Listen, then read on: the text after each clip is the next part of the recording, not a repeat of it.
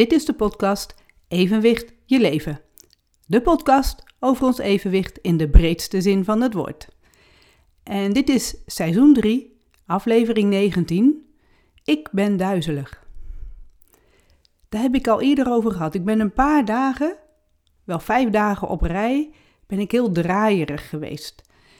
En voor mij is dat draaierigheid met instabiliteit, bewegingsonzekerheid. En dat komt, zoals je al eerder, als je al langer deze podcast volgt, dat komt als gevolg van de ziekte van Meniere. En net in die dagen vertelde mijn buurvrouw, of eigenlijk via de WhatsApp, kreeg ik een berichtje van ik lig op bed, want ik heb een koliekaanval. En een koliekaanval, dat is een hele uh, pijnlijke buikpijn. Een soort kramp in, in de darmen, of, of het kan ook bij de nieren zijn. En dat is heel heftig, dat is pijnlijk. En tegelijkertijd was zij ook heel duizelig. En dat noemde zij, en toen heb ik ook gevraagd: wat voor duizeligheid is het? En dat kon ze op dat moment niet direct benoemen. Ik heb het later gevraagd aan haar en toen vertelde ze, toen was ze alweer op, ze liep alweer, ze kwam alweer buiten. En toen vertelde zij, die duizeligheid was uh, dat mijn hele hoofd, alles draaide, ik kon niet eens overeind komen. En ik was enorm misselijk, ik moest ook braken, terwijl ik niks in mijn lijf had.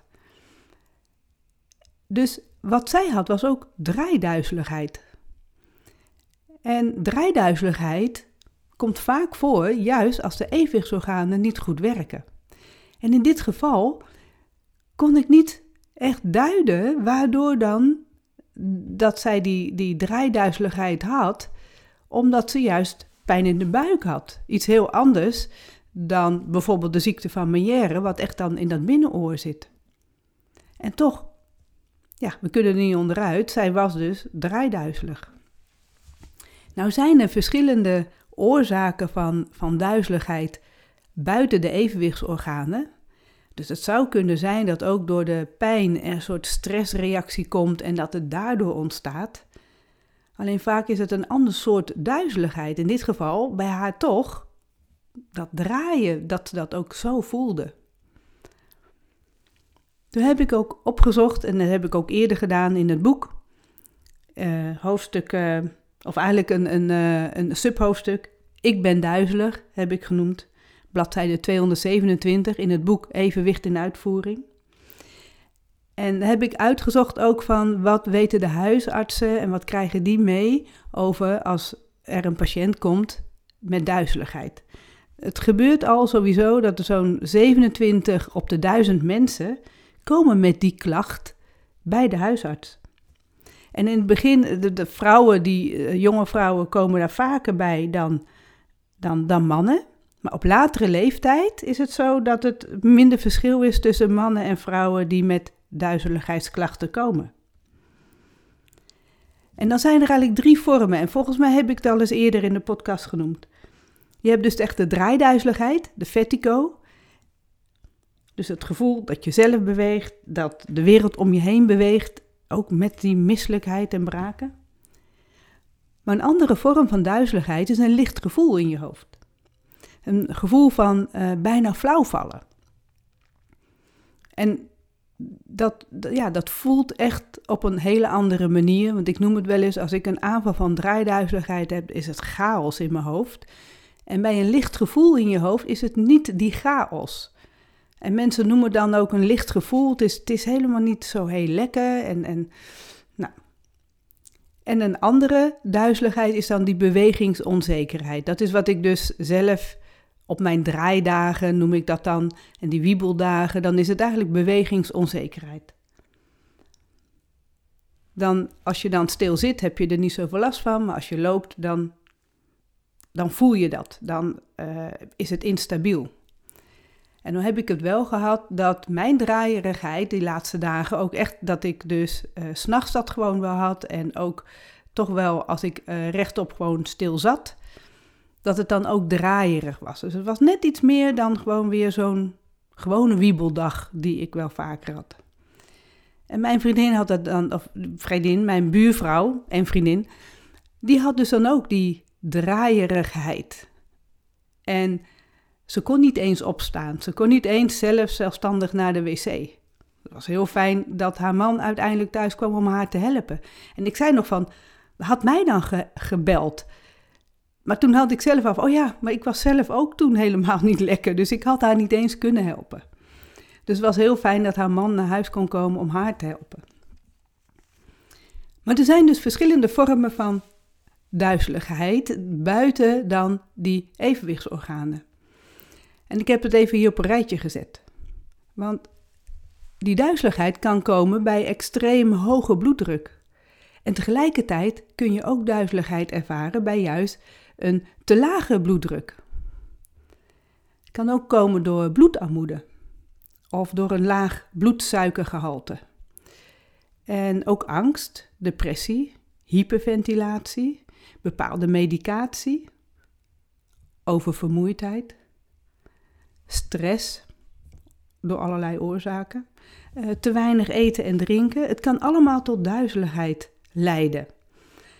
En dan is deze duizeligheid niet direct een probleem van de evenwichtsorganen zelf, maar dan zit het dus ergens anders in dat hoofd, waardoor je toch datzelfde gevoel hebt. Nou geven ze ook aan, uh, daling van de bloeddruk, als je overeind komt en je doet dat een beetje snel, dan kan dat ook leiden tot een licht gevoel in het hoofd. Maar dat komt wel door de evenwichtsorganen. De evenwichtsorganen, de statolietorganen, heel specifiek, die twee kleine zakjes die ook in het evenwichtsorgaan zitten, die regelen namelijk ook die bloeddruk.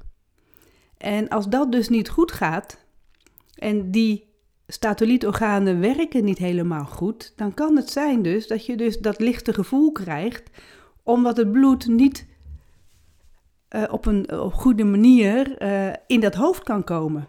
En dat maakt dat lichte gevoel. Dus dan komt het toch door de evenwichtsorganen. Statolietorganen dus.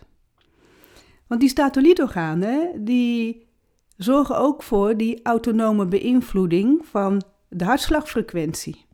Nou, bloeddruk noem ik dan net al, maar ook de ademhaling.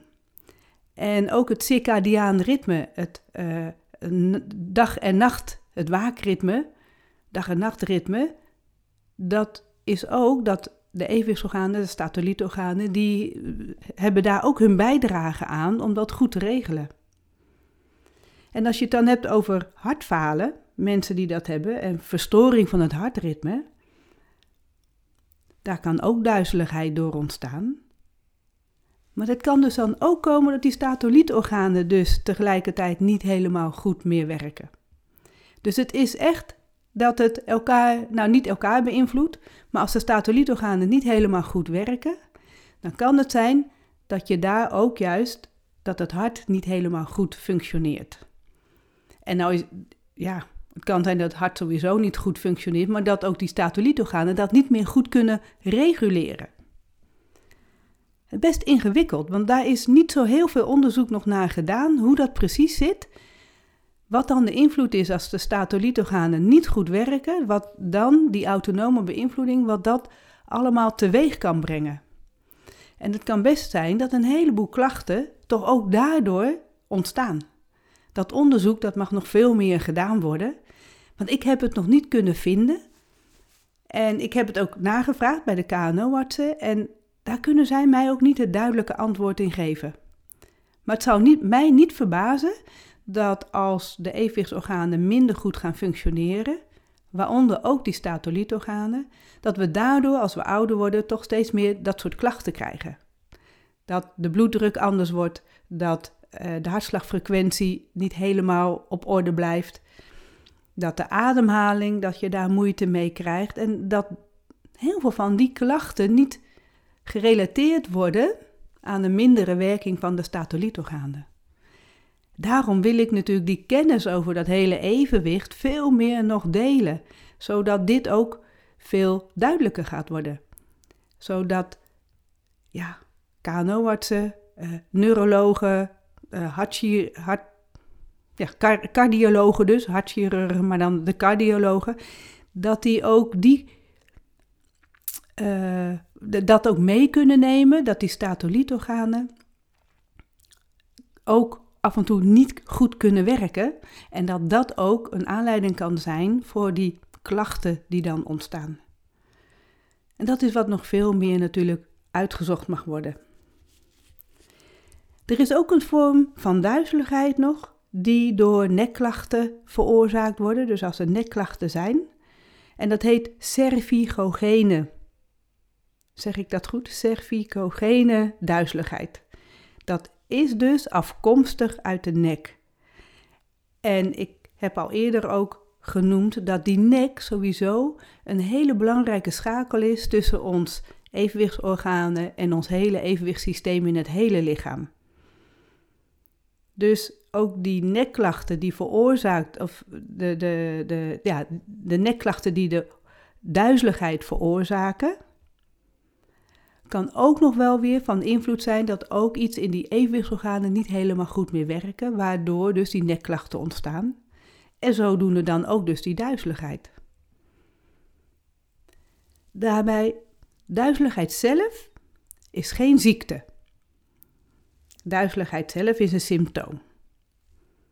Het is dus geen aandoening. Het kan wel een gevolg zijn van een aandoening, zoals dus dan ziekte van Meière of de vestibulaire migraine. Eigenlijk alle andere evenwichtsstoornissen. En het kan ook voorkomen bij dementie en Parkinson. En duizeligheid, duizeligheidsklachten, en vooral als ze acuut zijn, kan ook zelfs uh, hersen, van een herseninfarct komen of hersenbloeding. En ik heb ze net al genoemd, hartritmestoornissen. Dus duizeligheid zelf is geen aandoening. Dus als je dat hebt over uh, evenwichtsaandoeningen, hoort duizeligheid zelf daar niet bij. Het is altijd een gevolg van iets anders, wat dus dan niet goed gaat in dat lichaam. Het is een symptoom. Dat neemt niet weg, er zijn nog steeds heel veel mensen die de klacht duizeligheid hebben. En iedereen heeft daar ook weer zijn eigen naam aan, zijn eigen woorden, zijn eigen uh, hoe, hoe dat voelt. En dat heb ik ook in het boek opgeschreven. Een heleboel van dat soort termen die mensen gebruiken, hoe zij noemen wat die duizeligheid is. Dat is dus licht in het hoofd, zoals ik eerder al heb genoemd. Uh, lopen op watjes, uh, alsof ik in een centrifuge zit zwalken. Op een boot die, die vaart over de golven, dat het zo voelt. Uh, ik, ik vind het duizelingwekkend, zo voelt het dan. Of wazig, wankelen, nou, gevoel van flauwvallen. Onvast op de benen, uh, deining, uh, gedesoriënteerd. Dizzy, busy. Sowieso het woord dizzy wordt ook veel gebruikt voor mensen die chronisch duizelig zijn. Dus er zijn wel allerlei termen voor en iedereen zoekt daar wel een e-, eigen term in. Het duizelig zelf is een ja, soort overkoepelend woord voor al die sensaties die we dus, dus kunnen voelen in ons hoofd. En je voelt het in je hoofd en tegelijkertijd kan het dus invloed hebben ook in hoe je dan beweegt. Dus ja, duizelig. Ik ben duizelig. Er zijn nog steeds heel veel mensen die daarmee, met die klacht, bij de huisarts zullen komen. En dat is niet van nu, dat is van alle tijden en zal ook altijd nog zo blijven. En als er nog veel meer mensen weten hoe ons evenwichtssysteem werkt en weten ook dat je evenwichtsorganen hebt, en dat daar dus die klachten ook door kunnen ontstaan, dan zijn we ook alweer een heel eind verder en kan ook veel eerder een diagnose gesteld worden. Dat is ook waarom ik dat hele boek Evenwicht in uitvoering natuurlijk geschreven heb. Ja, en verder, ik voel me nu weer beter. Ik ben niet meer duizelig, ben niet meer draaierig, ben niet wiebelig. Ik heb alweer heerlijk gesport. Ik kan weer gewoon normaal lopen, ik kan weer op de fiets. Ik ben er alleen maar heel blij om. En ook de buurvrouw, haar koliekaanval is voorbij. Ook zij kan weer lekker bewegen, lopen. Uh, nou, ik hoop dat het ook heel lang weg blijft, of dat ze daar nooit meer last van krijgt. Het lijkt me ook helemaal niet fijn om die pijn te hebben. En bij mij weet ik, het is afwachten op een ja, volgende dat het een aantal dagen wiebelig wordt. Want dat zit in mijn systeem, dat hoort erbij. Uh, het is een soort zwakke plek. Dus ja, het is niet anders. Dankjewel voor dit luisteren. Uh, dit was seizoen 3, aflevering 19. Ik ben duizelig. En tot de volgende keer.